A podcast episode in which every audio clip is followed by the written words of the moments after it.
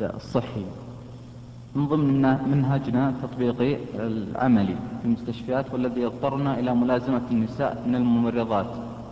والاستفادة منهن في مجال التمريض ومحادثتهن وسؤالهن. وقد يكن غير مسلمات.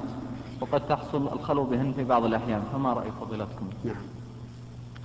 آه، أرى أن هذا إذا دعت الضرورة إليه ولم يكن لكم من هذا بد فاتقوا الله ما استطعتم. ولا تكثروا محادثتهن إلا فيما دعت إليه الضرورة وغضوا البصر عنهن. بقدر بقدر ما يمكن. ونسأل الله تعالى أن يأتي بلوم الذي ينفرد فيه الرجال بعلومهم والنساء بعلومهم بعلومهم. أما في مسألة الخلوة فلا يجوز إطلاقا ولكن كيف يخلو بها وعنده المريض؟ إلا إذا كان المريض لا يشعر لا لا تضحك. تضحك الامرأة أجنبية منك؟ أبدا. لكن لا تريها وجه عبوس ولا وجه انطلاق. خليك عادي. وللضرورة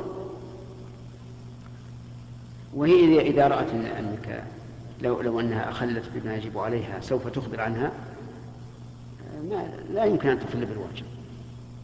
خصوصا الأجنبية اللي تعرف أن إذا أخل الواجب على طول يسكرونه نعم.